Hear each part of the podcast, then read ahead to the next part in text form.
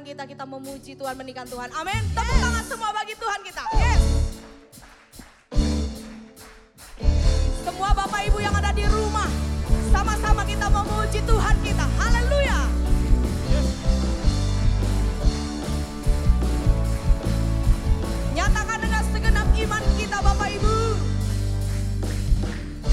Hidup yang kupilih membuatku berarti. Karena Yesus Tuhan tempatku percaya dan berharap. Ku buka mataku Lihat sekelilingku. Ku harus nyatakan kebenarannya yang membebaskan. Karena kuasa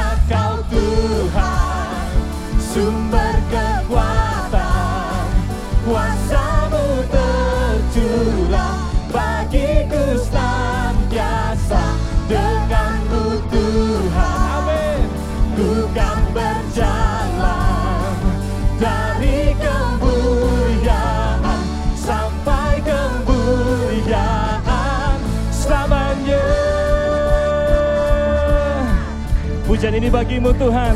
Sama-sama nyatakan. Tak pernah ku ragu akan kesetiaanmu. Kau pegang hidupku sepenuh jiwa Sepenuh jiwaku Ku yakin dan percaya Kau tuntun langkahku Oh kaulah Raja dalam hidupku Berkuasa berjaya untuk selalu Semua. Hanya kau Tuhan Sumber kekuatan Kuasamu tercurah Bagiku senantiasa. Dengan butuhku kan berjalan. Dari kemuliaan sampai kemuliaan selamanya.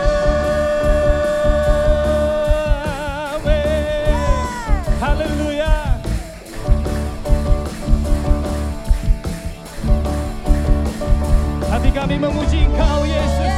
Wuh, Katakan haleluya. Kemuliaan hanya bagi Nyatakan lebih dasar lagi. Yesus kaulah Raja dalam hidupku. Berkuasa berjaya untuk selalu. Oh Yesus, Yesus kaulah Raja dalam hidupku. Berkuasa berjaya. Yes. Semua hanya kau Tuhan. Amin. Sumber kekuatan. Kuasamu tercurah bagiku senantiasa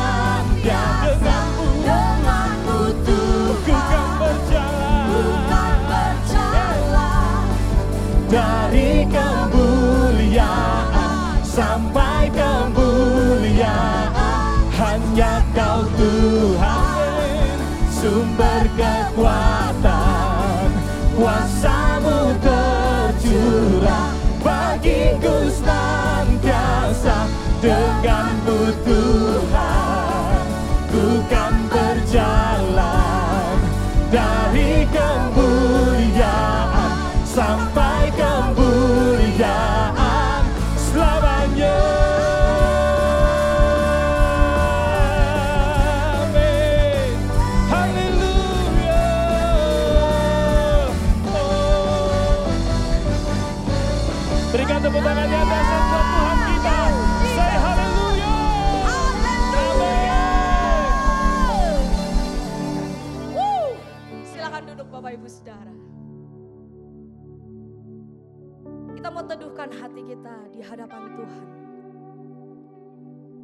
lebih lagi masuk dalam dimensinya Tuhan. Untuk kita menyembah Tuhan lebih lagi Bapak Ibu Saudara. Tuhan men- menyelidiki setiap hati kami pagi hari ini. Biarlah sungguh kami datang dengan hati yang sungguh-sungguh haus dan lapar. Kami merindukan bertemu dengan Tuhan. Lawat setiap kami Tuhan pagi hari ini. Kami mau pakai kesempatan pagi hari ini untuk kami duduk di hadapan Tuhan. Menikmati hadirat-Mu. Semua kami hidup karena iman kami percaya pada Tuhan. Haleluya. Mari Bapak Ibu Saudara,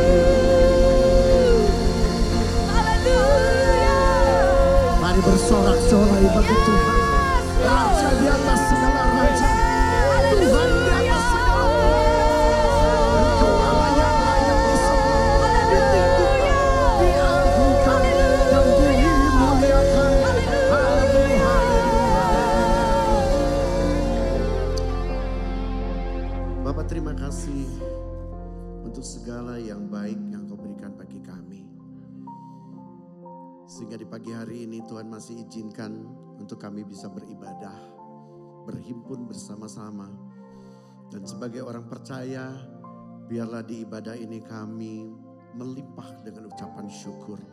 Apa pun kondisi, keadaan, situasi yang kami hadapi hari-hari ini.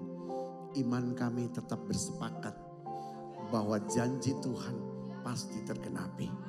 Terima kasih urapi setiap kami dan biarlah pengurapan Tuhan turun juga atas hambamu. Karena hambamu cuma alat untuk menyampaikan apa yang Tuhan mau sampaikan bagi setiap umat Tuhan di tempat ini. Berbicaralah dan biarlah roh kudus yang memimpin mengambil alih ibadah ini dari awal pertengahan hingga akhirnya. Dalam nama Yesus kami berdoa ucap syukur. Setiap kita yang rindu diberkati. Sama-sama kita katakan. Amin. Boleh tepuk tangan dulu untuk Tuhan Yesus. Haleluya. Silakan duduk Ibu Bapak. Makasih WL Singer dan tim musik yang luar biasa. Ya shalom selamat pagi Ibu Bapak. Apa kabarnya hari ini? Luar biasa shalom juga Ibu Bapak yang masih tetap setia ibadah online.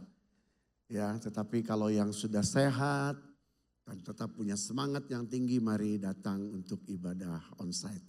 Ya, karena tentu suasananya akan lebih berbeda, jauh berbeda ketika kita bisa berhimpun bersama-sama dengan yang lain. Ya, oke hari ini saya akan sampaikan satu tema yang biasanya rada aneh ini kayak jualan barang ya. Berkualitas belum tentu original. Ibu Bapak saya mau bagi pengalaman dulu Sekali waktu saya eh, tertarik di iklan di online. Ada satu iklan di sana yang menjual celana ya dengan logo yang ya bagus lah ya logonya saya wah ini terkenal sekali. Kemudian saya lihat harganya juga murah, nggak terlalu mahal dan di sana ditulis barang yang berkualitas, bermutu tinggi dan lain sebagainya. Jadi saya beli. Tiga hari kemudian barang itu datang. Nah waktu barang itu datang saya buka, saya mulai sedikit kecewa gitu. Begitu dibuka kok mereknya jadi lain. Ya, kemudian dilihat bahannya tipis banget. Ya sudahlah, resiko kita beli di online ya, pakai aja. Nah yang menjadi masalah dengan promo yang begitu luar biasa, ini barang berkualitas, mutunya nomor satu dan lain sebagainya. Waktu saya pakai ibu bapak, saya pakai kan senang kerja, saya orang teknik. Jadi bisa jongkok, bisa berdiri dan sebagainya. Itu celana baru tiga hari dipakai, begitu jongkok robek dari depan sampai belakang. Ibu apa? Padahal saya ingat beli celana ini dengan kualitas yang nomor satu. Ya, Nah saya akan sampaikan ini untuk kita bisa melihat ya secara pribadi lepas pribadi di dalam kekristenan kita juga. Tapi saya mau ajak dulu ibu apa lebih mengerti tentang arti apa bedanya berkualitas dengan yang original? Nah tentu bapak-bapak, bapak-bapak bisa melihat di sini di depan. Lihat, kita sering kali melihat di sini atau mendengar ada kata ori dan KW. Setuju itu ya? Ya ibu-ibu juga kalau beli, sekarang kalau ditawarin mau yang KW enggak dan sebagainya. Nah ori ini bicara tentang original, KW itu bicara tentang kualitas. Tapi sekarang yang luar biasa dalam kualitas ini ada satu, dua, tiga, empat dan lain sebagainya. Dan di, di luar kualitas ini imitasi, palsu.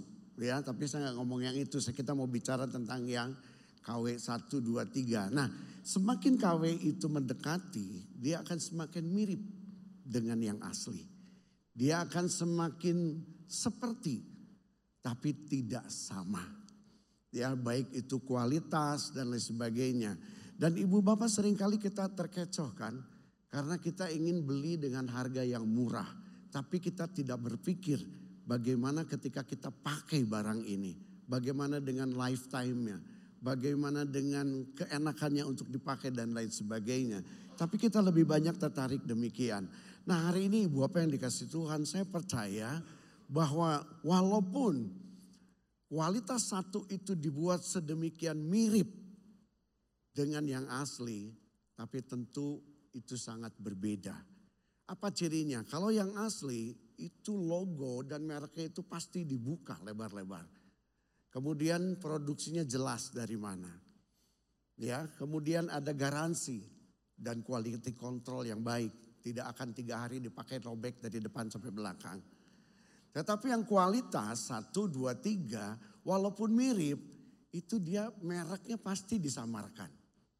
Ya, yang kedua dia tidak ada garansi di sana. Dan yang ketiga biasanya produksinya nggak jelas dari mana nih. Nah hari ini kita mau belajar bersama kalau saya tanya kepada ibu bapak mana yang kita suka. Walaupun itu percis, walaupun itu murah di dalam kualitas, walaupun itu mutunya mendekati, saya mau tanya kepada ibu apa mana yang kita suka hari ini, apakah yang original atau yang berkualitas? Nah, setuju yang berkualitas? Tidak. Setuju yang original. Nah, Mari kita lihat dengan kekristenan kita. Ibu bapak yang dikasih Tuhan, kalau kita lihat bedanya kan sedikit. Berkualitas itu sangat-sangat baik loh. Kita cari. Nah bagaimana dengan kekristenan kita? Mari bayangkan begini. Waktu kita di hadapan Tuhan, Tuhan melihat kita berkualitas atau original. Kualitas bicara apa? Misalkan begini, seorang yang rajin ibadah, Seseorang pelayan Tuhan yang rajin dari minggu subuh sampai minggu malam, Senin, Selasa, Rebo, Kamis, di gereja terus. Itu berkualitas. Bagus itu, gak ada salahnya. Tetapi yang jadi masalah adalah kalau dia tidak beroriginal menyembah Tuhan dan percaya kepada Tuhan, maka ketika dia kesentuh saja sedikit egonya, dia marah. Dia akan kesinggung berat. Saya melihat hari-hari ini dengan adanya medsos atau ibadah online. Lihat penyerangan kiri kanan, doktrin ini, doktrin sana. Nah kita harus belajar menjadi pribadi yang original di hadapan Tuhan. Setuju katakan amin? Pribadi yang betul-betul percaya. Pujian tadi berkatakan, pribadi yang betul-betul bersepakat dengan Tuhan. Apa pun keadaan yang kita hadapi, Apa pun situasi yang kita hadapi, biar Tuhan menemukan iman saudara adalah iman yang original, original, asli. Tidak hanya berkualitas. Banyak orang kan melihat, oh kalau orang ini rajin ke gereja, pelayanan luar biasa, memberi sumbangan yang begitu besar. Kalau dia tidak naikkan levelnya menjadi original, saudara proses akan membuat dia jatuh. Jadi hari ini kita mau belajar apa sih yang dimaksud oleh Tuhan dengan kata iman yang original. Ibu bapak di dalam satu Yohanes 3 dikatakan begini, kalau engkau hidup di dalam aku, maka engkau wajib sama. Waktu saya merenungkan ayat ini, bagaimana seseorang manusia bisa hidup sama? Ternyata di dalam terjemahan lain berbicara begini ibu bapak. Baca yuk sama-sama, dua, tiga. Barang siapa berkata bahwa ia hidup bersatu dengan Allah, ia harus hidup ngapain? Mengikuti jejak Kristus. Jadi dalam hal ini lihat, kekristenan itu tidak boleh stuck. Dan saudara dan saya akan mengalami banyak proses untuk mendewasakan saudara dan saya. Setuju katakan amin. Kita tahu tidak gampang hari ini ya di dalam kehidupan dunia yang serba teknologi cepat begini untuk kita tetap mengarahkan iman kita percaya kepada Tuhan. Tapi walaupun kita harus melawan arus, asal kita berdiri sebagai orang yang beriman dan tetap original di hadapan Tuhan sebagai pribadi yang mengasihi Tuhan. Pegang itu erat-erat. Dan saya percaya bahwa Kekristenan yang akan kita hidupi atau selalu kita hidupi hari-hari ini adalah kekristenan yang bukan kualitas satu, dua, tiga, empat. Tetapi kekristenan yang sungguh-sungguh original di hadapan Tuhan. Amin. Nah saya tulis statement begini. Waktu saya renungkan ini saya tulis statement ini. Kekristenan harus tegak lurus kepada Tuhan Yesus. Artinya apa? Tidak boleh ada penyimpangan sedikit pun dari apa yang sudah ditentukan Tuhan. Sekali lagi, kekristenan itu harus tegak lurus. Kalau tegak lurus itu 90 derajat. Enggak miring kiri, enggak miring kanan. Lurus. Ya, Apa pun situasi kondisinya, kita tetap memandang dia adalah raja di atas segala. Apa pun situasinya, apa pun penyakit yang kita hadapi, kita akan tetap percaya dia adalah pribadi penyembuh di dalam hidup kita. Apa pun masalah ekonomi yang kita hadapi, kita percaya dia adalah pemelihara di dalam hidup kita. Itu kekristenan yang tegak lurus. Tidak tergoda untuk berbelok atau menyimpang ke kiri dan ke kanan. Waktu Yosua memegang tampuk pimpinan menggantikan Musa, ada pesan yang jelas dari Tuhan. Dia katakan begini, asal engkau setia mengikut aku. Melakukan ketetapan-ketetapanku. Dan tidak menyimpang ke kanan dan ke kiri. Maka hidupmu akan berhasil. Saudara mau berhasil dalam hidup saudara? Jangan menyimpang ke kanan atau ke kiri. Itu yang dikatakan kualitas KW. Kalau kita diberikan kesempatan untuk bisa ibadah seperti ini, pergunakan sebaik-baiknya.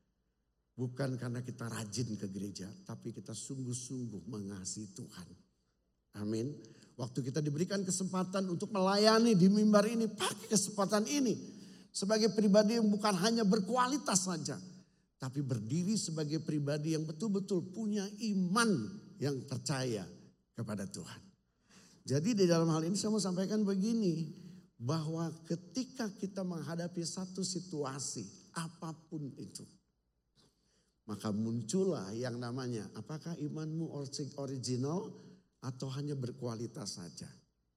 Saudara penyimpangan itu tidak kelihatan. Tidak kelihatan. Saya makanya ngomong beda dengan yang palsu. Kalau palsu pasti bertolak belakang. Betul kan? Tapi kalau kualitas dengan original itu bedanya tipis, beti. Tipis sekali nggak kelihatan. Tapi ini akan teruji pada saat saudara dan saya mengalami yang namanya sebuah proses atau ujian. Apa pun itu. Orang akan melihat apalagi Tuhan yang akan melidiki hati kita. Jadi dalam hal ini mari kita akan belajar begini. Ambil satu statement.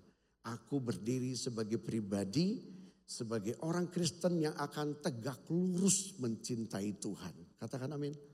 Aku akan menjadi pribadi sebagai orang Kristen yang menjadi berkat bagi keluargaku, berkat bagi banyak orang. Karena imanku tegak lurus kepada Tuhan. Dan aku tidak akan ambil kesempatan, walaupun itu menarik. Walaupun itu membuat aku mendapat berkat yang lebih dari orang lain. Kalau itu menyimpang dari apa yang sudah Tuhan tetapkan di dalam hidup ini. Amin, Bapak. Ya, nah untuk itu pertanyaannya gini, lihat ayat ini, Galatia 1 ayat 10, dikatakan gini, jadi setelah saudara tahu nih, mana yang berkualitas, mana yang original. Ya, kita saring lewat ayat ini, jadi bagaimana sekarang? Nah ini pertanyaannya nih, ya yuk baca sama-sama lanjut, dua tiga, adakah ku cari kesukaan manusia atau kesukaan Allah? Adakah ku coba berkenan kepada manusia? Sekiranya aku masih mau mencoba berkenan kepada manusia, maka apa? Aku bukanlah hamba Kristus. Ini posisinya sama sebagai orang percaya loh. Lihat, bukan berbicara satu orang percaya, satu tidak percaya. No, ini bicara dengan sama, berdiri sebagai orang percaya. Tapi berbeda gini, orang yang berkualitas, dia hanya sibuk dengan berbagai kegiatan supaya orang melihat hebatnya dia mencintai Tuhan. Orang yang berkualitas sibuk dengan berbagai hal supaya orang-orang terkagum-kagum kepada dia. Orang yang berkualitas ambil berbagai kesempatan supaya dia muncul lebih dari orang lain. Tetapi yang original adalah walaupun tidak kelihatan. Ibu bapak dia akan lakukan tugas dan tanggung jawabnya yang penting apa yang dia kerjakan itu berkenan di hadapan Tuhan. Setuju katakan amin. So lihat kita ibadah seperti ini.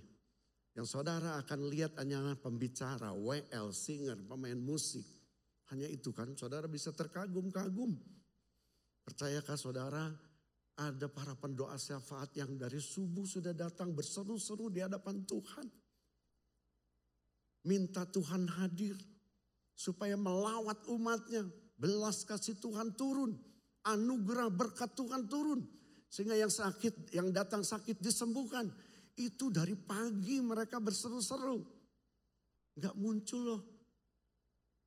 Tapi mereka saya percaya punya iman yang original.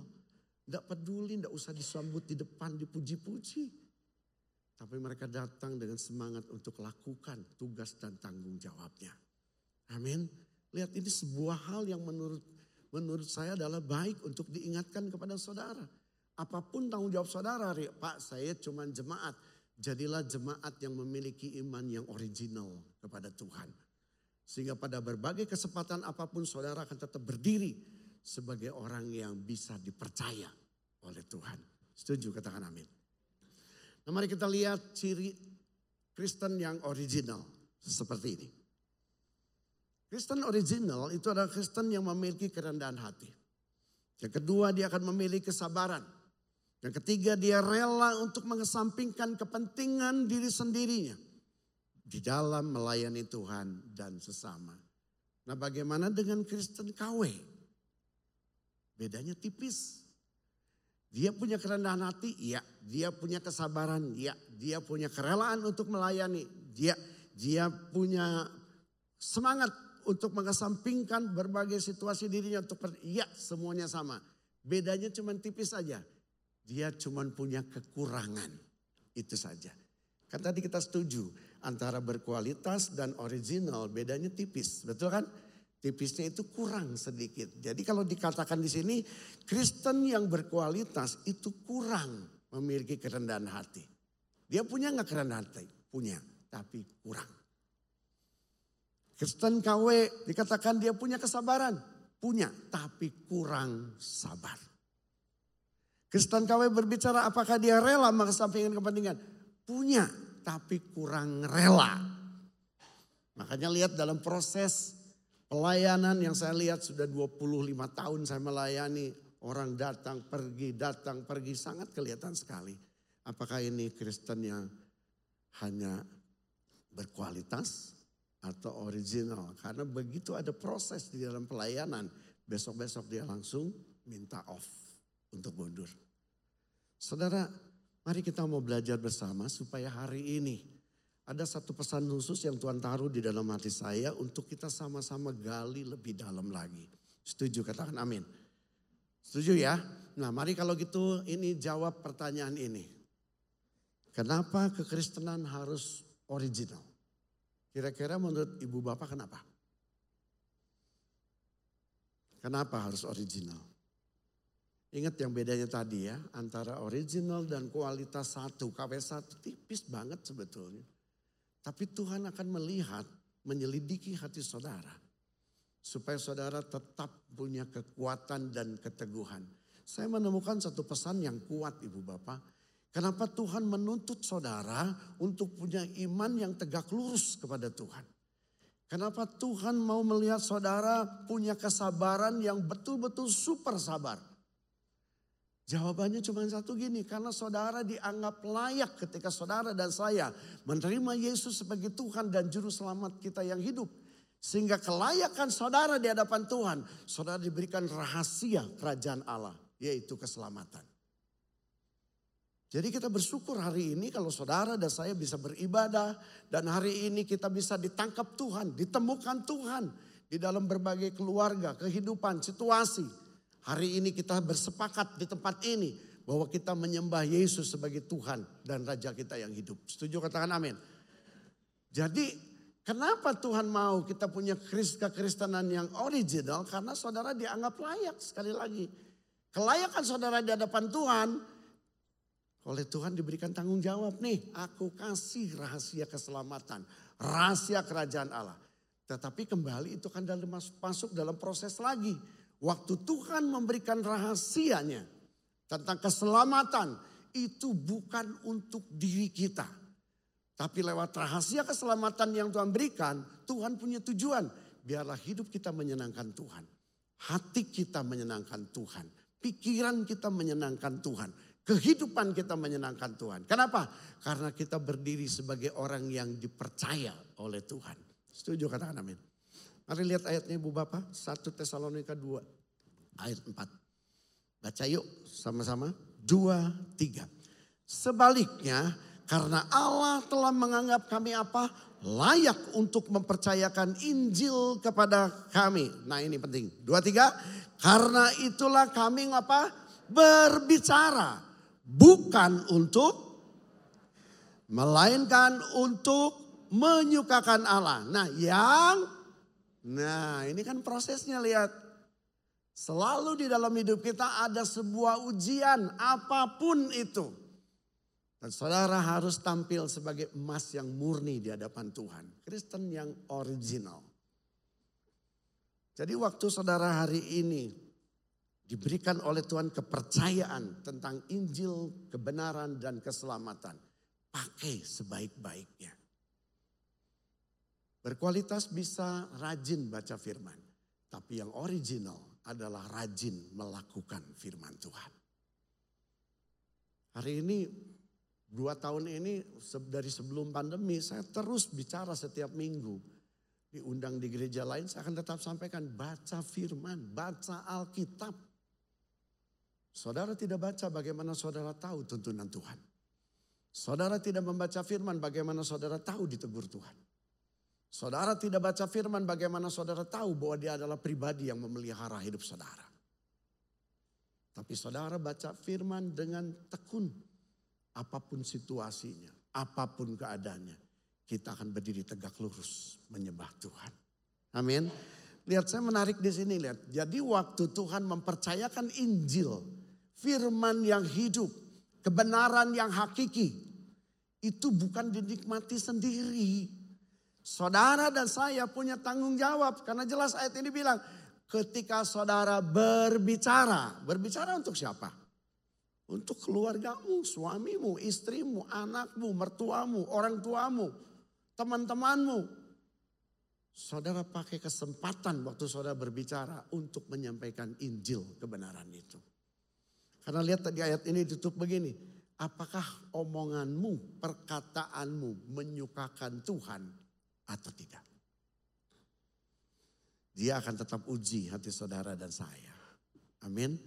Nah ibu apa yang dikasih Tuhan saya percaya bahwa ketika Tuhan menguji kita di dalam berbagai situasi. Maka biar Tuhan menemukan saudara dan saya adalah sebagai pribadi yang betul-betul bisa menjawab setiap kebutuhan demi kebutuhan kita di hadapan Tuhan. Ya, bisa tolong diklik. Oke, okay, menjadi Kristen original harus dimulai jangan dari luar, jangan dari orang lain, tapi dimulai dari diri sendiri. Setuju katakan amin. Banyak kita ingat ada perubahan. Saudara kemarin di doa pengerja saya sampaikan gini. Jangan pernah bermimpi untuk kembali hidup sebelum pandemi. Sebelum ada covid. Dulu nyaman, dulu gini, dulu gini. Hapus itu. Saudara tidak akan bisa kembali kepada kehidupan lama saudara. Tapi hari ini harus tegak berdiri sebagai orang yang beriman menghadapi situasi yang hari ini nyata. Bukan yang dulu, bukan yang kemarin.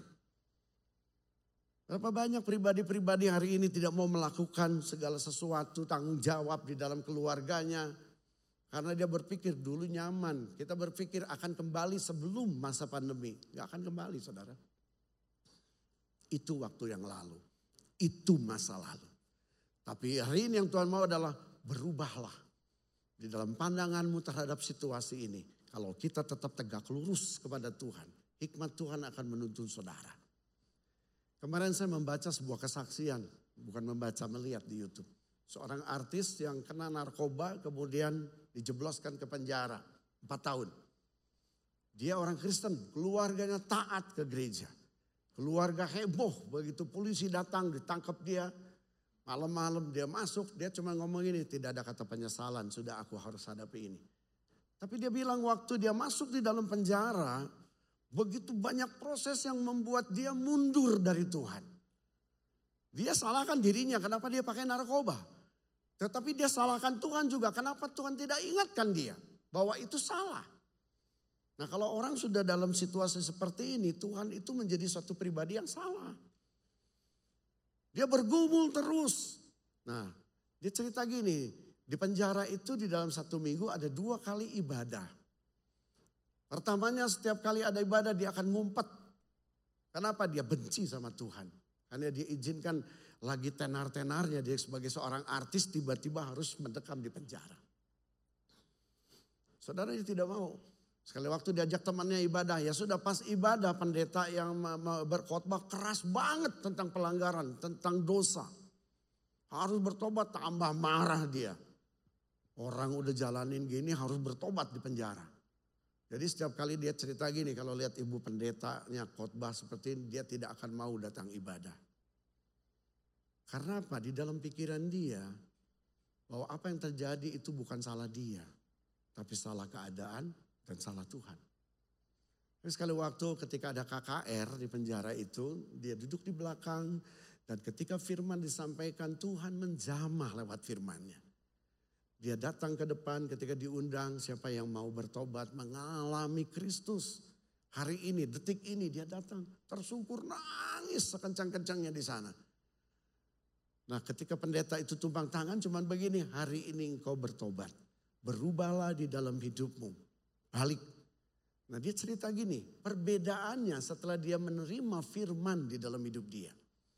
Kalau dulu dia nuntut gini, kalau Tuhan itu nyata, bebaskan aku.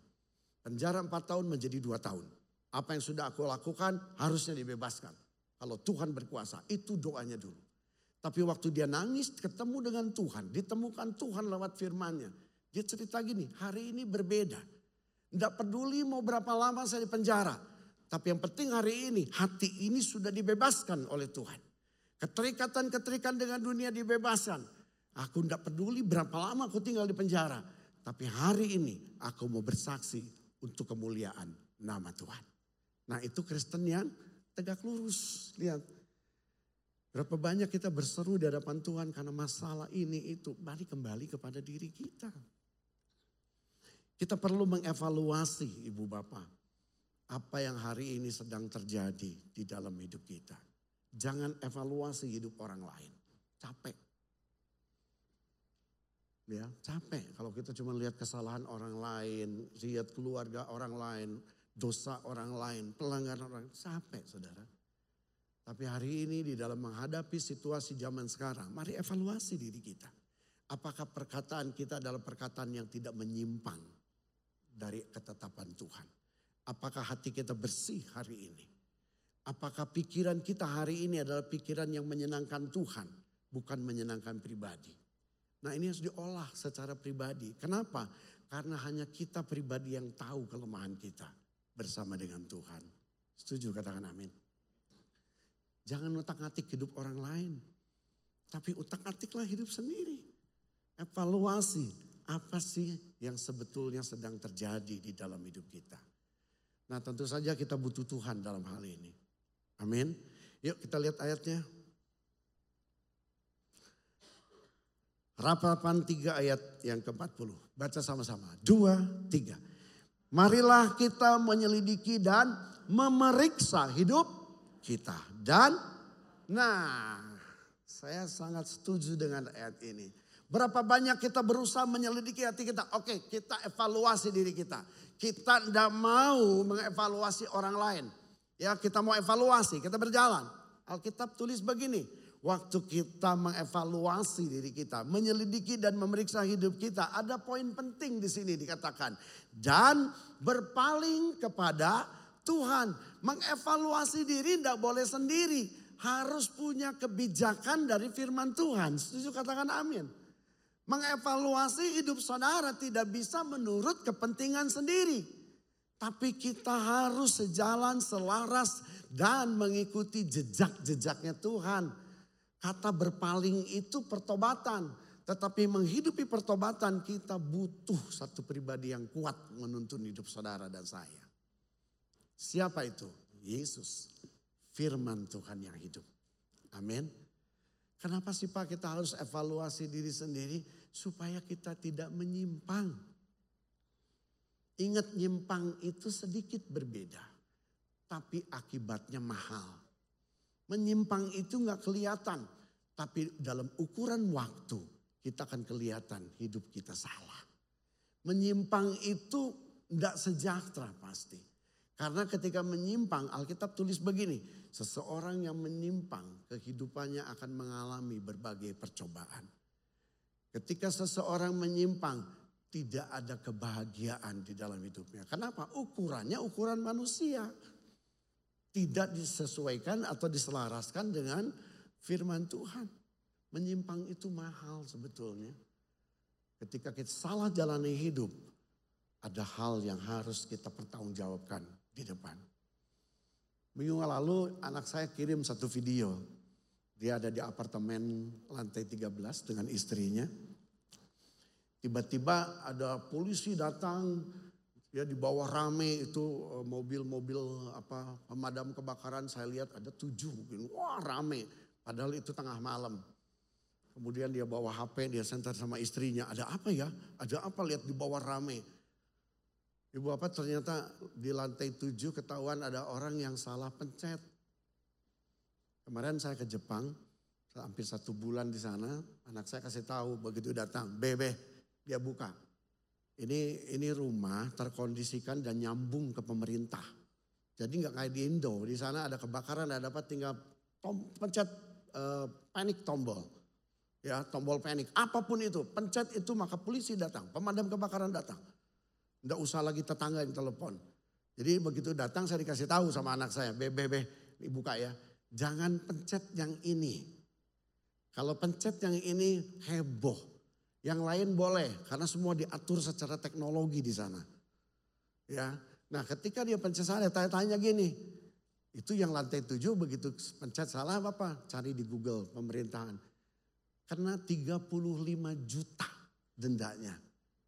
Bayangkan melanggar sedikit karena 35 juta. Apalagi iman kita ibu bapak. Jangan melanggar sedikit pun apa yang sudah Tuhan tetapkan. Amin. Jadi mari kita mulai belajar mengevaluasi diri kita. Menyelidiki diri kita. Pikiran, perkataan, perbuatan, hati kita. Tapi selaraskan dengan firman Tuhan. Ya, Kenapa sih? Karena kadang-kadang kita nggak nyadar. Kita nggak kelihatan. Ya, saya salah satu, uh, satu, tulis satu statement begini. Menyelidiki hidup itu seperti medical check up sebetulnya. Kalau orang males check up, tiba-tiba dia kena serangan jantung. Tiba-tiba dia naik bini, tapi dia parah, tiba-tiba stroke. Baru nyesel. Sama kalau kita tidak check up iman kita. Sekali-kali ayo cek dah. Ya, ketika kita cek dengan selaraskan dengan firman Tuhan, maka kita tahu ada banyak hal yang salah atau tidak. Ibu Bapak di dalam firman Tuhan tentang hal ini saya sampaikan dalam 1 Timotius 4 ayat 16. Yuk baca sama-sama. 2, 3. Awasilah dirimu sendiri dan awasilah ajaranmu. Bertekunlah dalam semuanya itu. Karena dengan berbuat demikian engkau akan menyelamatkan dirimu dan semua orang yang mendengar. Nah ternyata ada ada satu beban sebenarnya kita yang rugi. Bukan hanya kita yang akan mendapatkan denda di depan. Tetapi kehidupan saudara, perkataan saudara. Ya itu juga bisa berdampak kepada orang lain. Ini sadar atau tidak sadar? Saya tulis statement begini Ibu Bapak. Sadar atau tidak, setiap orang adalah seorang influencer. Hidup kita sedikit atau banyak memberi pengaruh bagi orang lain. Betul kan? Alkitab tulis gini, jangan salah gaul. Orang yang benar bergaul dengan orang yang berdosa, kita bisa jatuh dalam dosa. Pergaulan yang salah membuat kehidupan kita jadi berantakan. Ketika kita bergaul menjadi orang yang bijak, hidup kita pasti bijaksana. Ketika kita bergaul dengan firman Tuhan, hidup saudara akan menjadi lebih benar dari kehidupan masa lampau. Lihat ada satu apa ya, satu pengaruh. Paling gampang begini Ibu Bapak. Kita di keluarga, ada ibu bapak di keluarga yang mengajarkan kepada anak-anaknya cara jalan. Enggak kan? Tapi Bapak lihat, saya lihat anak saya saja begitu dilihat kok jalannya sama ya sama papahnya. Nah kenapa dia bisa sama? Setiap hari mungkin dia lihat papahnya jalan. Makanya mirip. Kenapa? Ada satu sikap kehidupan yang bisa tertular kepada orang yang di dekat kita. Makanya kita perlu hati-hati di dalam hal ini. Setuju katakan amin? Ya, jadi hari ini mari Ibu Bapak, walaupun kita setuju hidup itu harus berkualitas. Setuju kan? Mau kualitas dua, tiga, satu, hidup itu harus berkualitas. Tapi yang Tuhan mau lewat proses, biarlah iman kita muncul sebagai iman yang original di hadapan Tuhan. Tetap tegak lurus, percaya kepada dia. Karena Yesus adalah pribadi yang menolong saudara dan saya. Amin. Oke kesimpulannya Ibu Bapak, Kristen original akan membangun kesetiaan dalam mengikuti Tuhan dengan memberikan dirinya sendiri menjadi teladan. Dia akan selalu berjalan di depan. Kenapa? Dia akan mulai dengan diri dia. Tidak usah salahin orang. Tidak usah salahkan istri, tidak usah salahkan suami, tidak usah salahkan anak, tidak usah salahkan orang tua. Dimulailah dari kita. Berubahlah di dalam cara kita menjalani hidup ini. Dan kita percaya waktu saudara ketemu Tuhan. Biar Tuhan melihat iman saudara adalah iman yang asli. Iman yang tulus, iman yang benar di hadapan Tuhan. Jadi sekali lagi mengikut Tuhan bukan hanya kesibukan saja. Bukan hanya rajin ibadah saja. Tapi kita harus selaraskan juga dengan kebenaran firman Tuhan. Amin. Mari bangkit berdiri Ibu Bapak. Aku punya Tuhan yang besar yang telah berjanji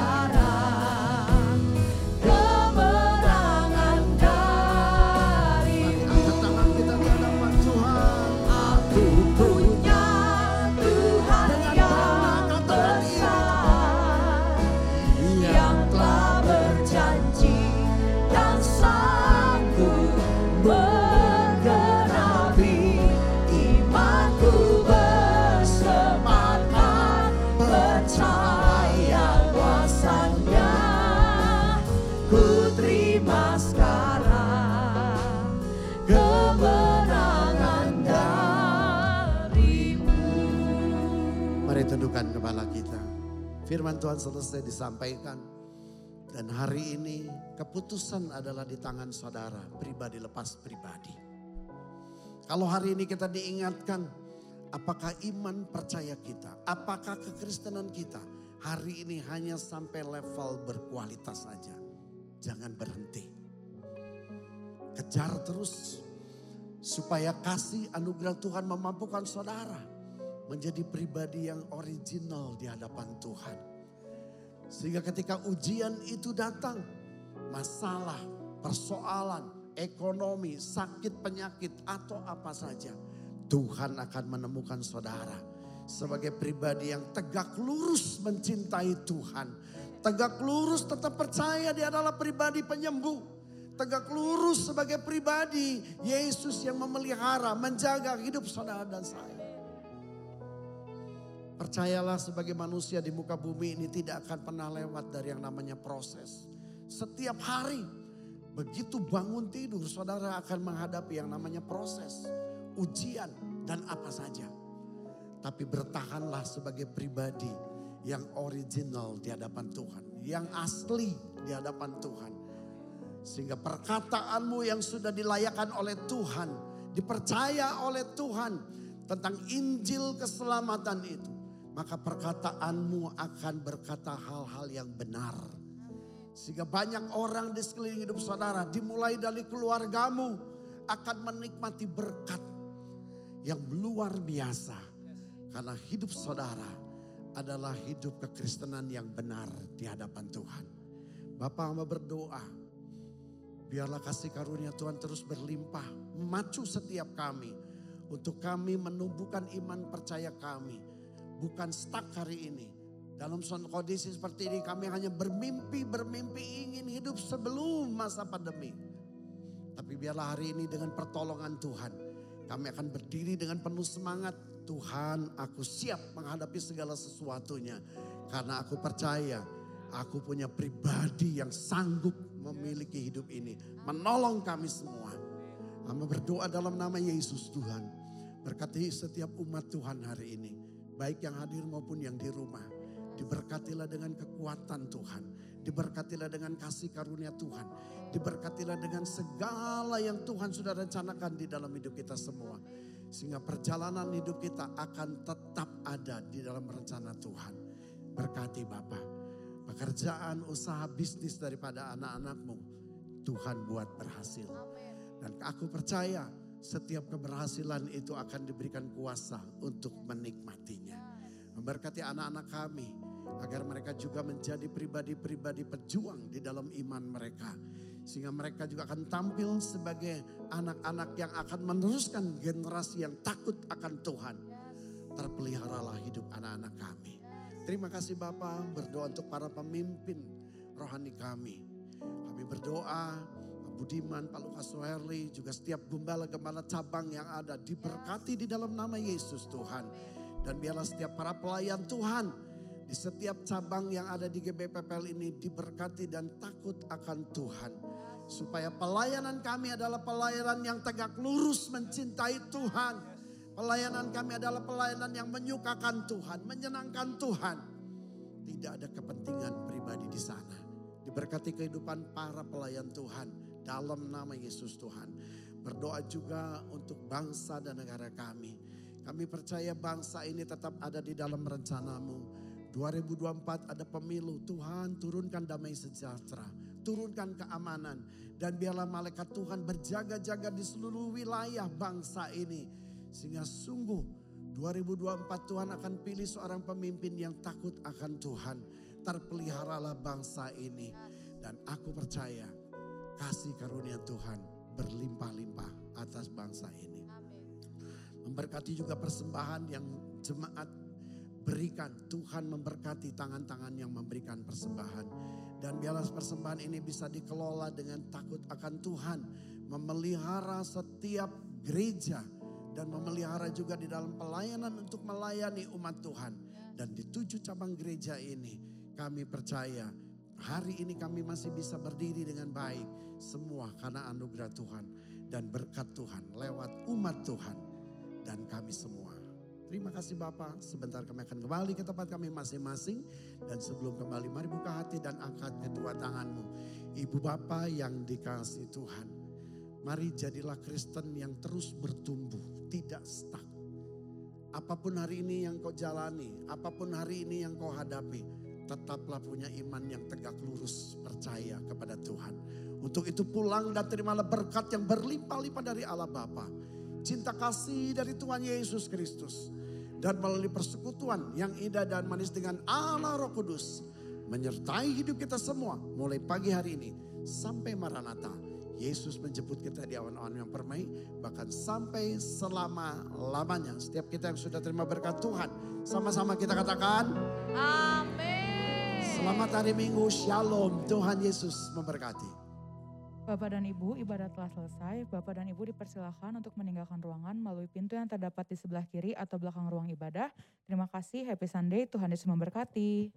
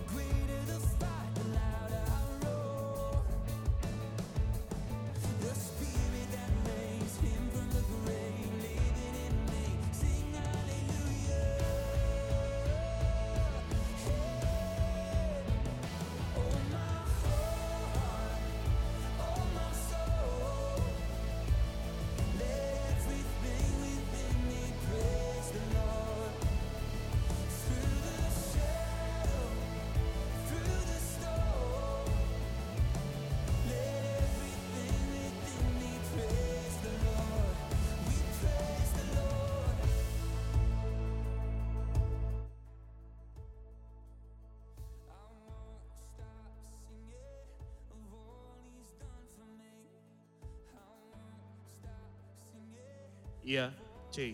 Senternya emang tuh cek, cek, cek, cek. Tuh, nih, nih aku di dagu sama di sini nih. Tuh, tuh, tuh cek, cek, one, cek. Cek, cek, cek, cek. Ah. Cek, cek, ah, cek. Cek, one, cek. Cek, ah. Cek, chê quần. Chỉ chê ờ, a, chỉ chỉ chê ở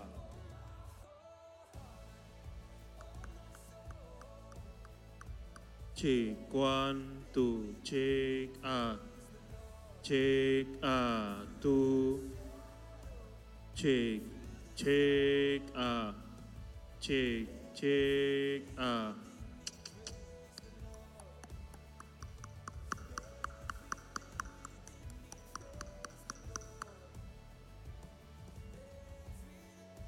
Check, check, ah, one, two.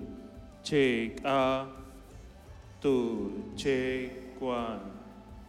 Check, ah, check, one. Check, check, ah, two. Check, one, two. Check, ah, two. Check. Chig, chig, chig, uh, to, uh, test.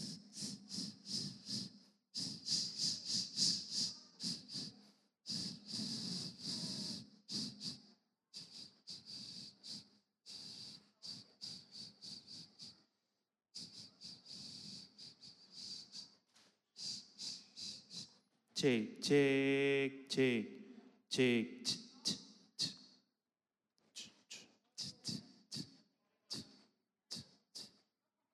Check a two, check one, two, check a check.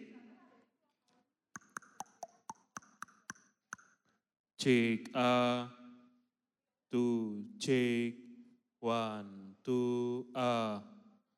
chích à. Tu à. Chích chích quan. Chích à tu à chích quan. Tu à chích chích chích quan. Chích chích à tu chích chích gabisa gabisa gabisa e eh, kamu eh. Eh gak bisa kamu.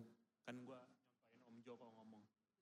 Eh, cek, misalnya two. Cek, one, two, cek, ah. Cek, ah. Bobo, mulu iwal, iwal. Silvan sama iwal, bobo tadi. Cek, one, two, cek, a, two. Tes. Cek, one. Cek, one, two. Kenapa?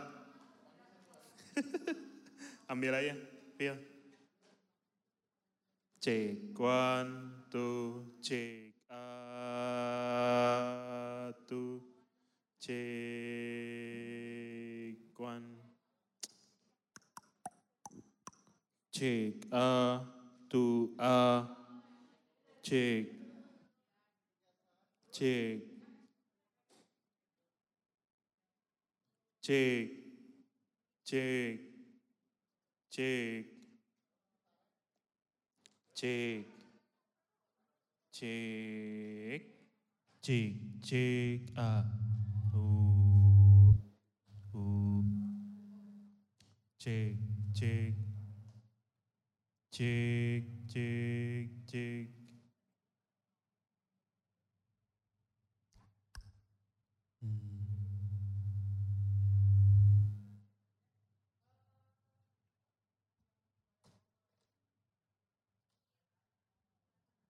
chik mm. Mm. chỉ quan tu a chỉ cuanto u u u che che a che cuanto che a tu che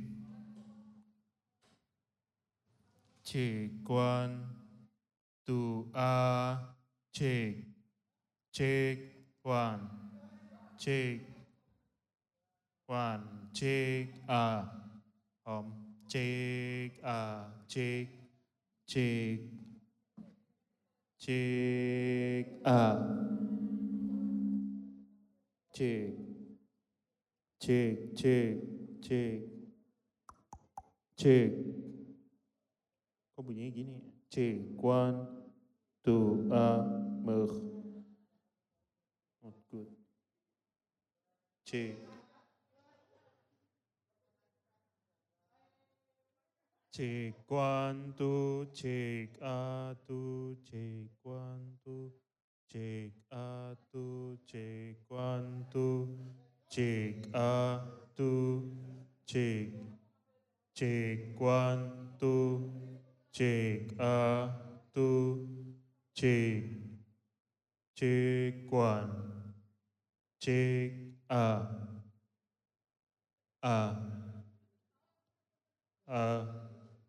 J, J, J, one.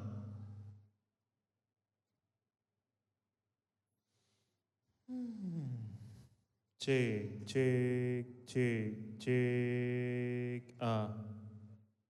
Jig, one, two, jig, up. Two, jig, jig,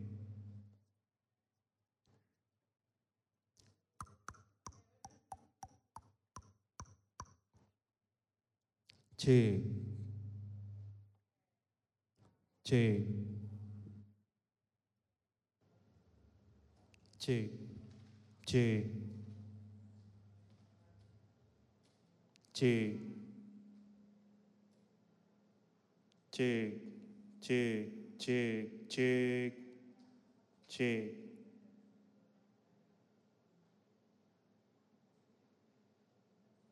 check check cek cek a tu cek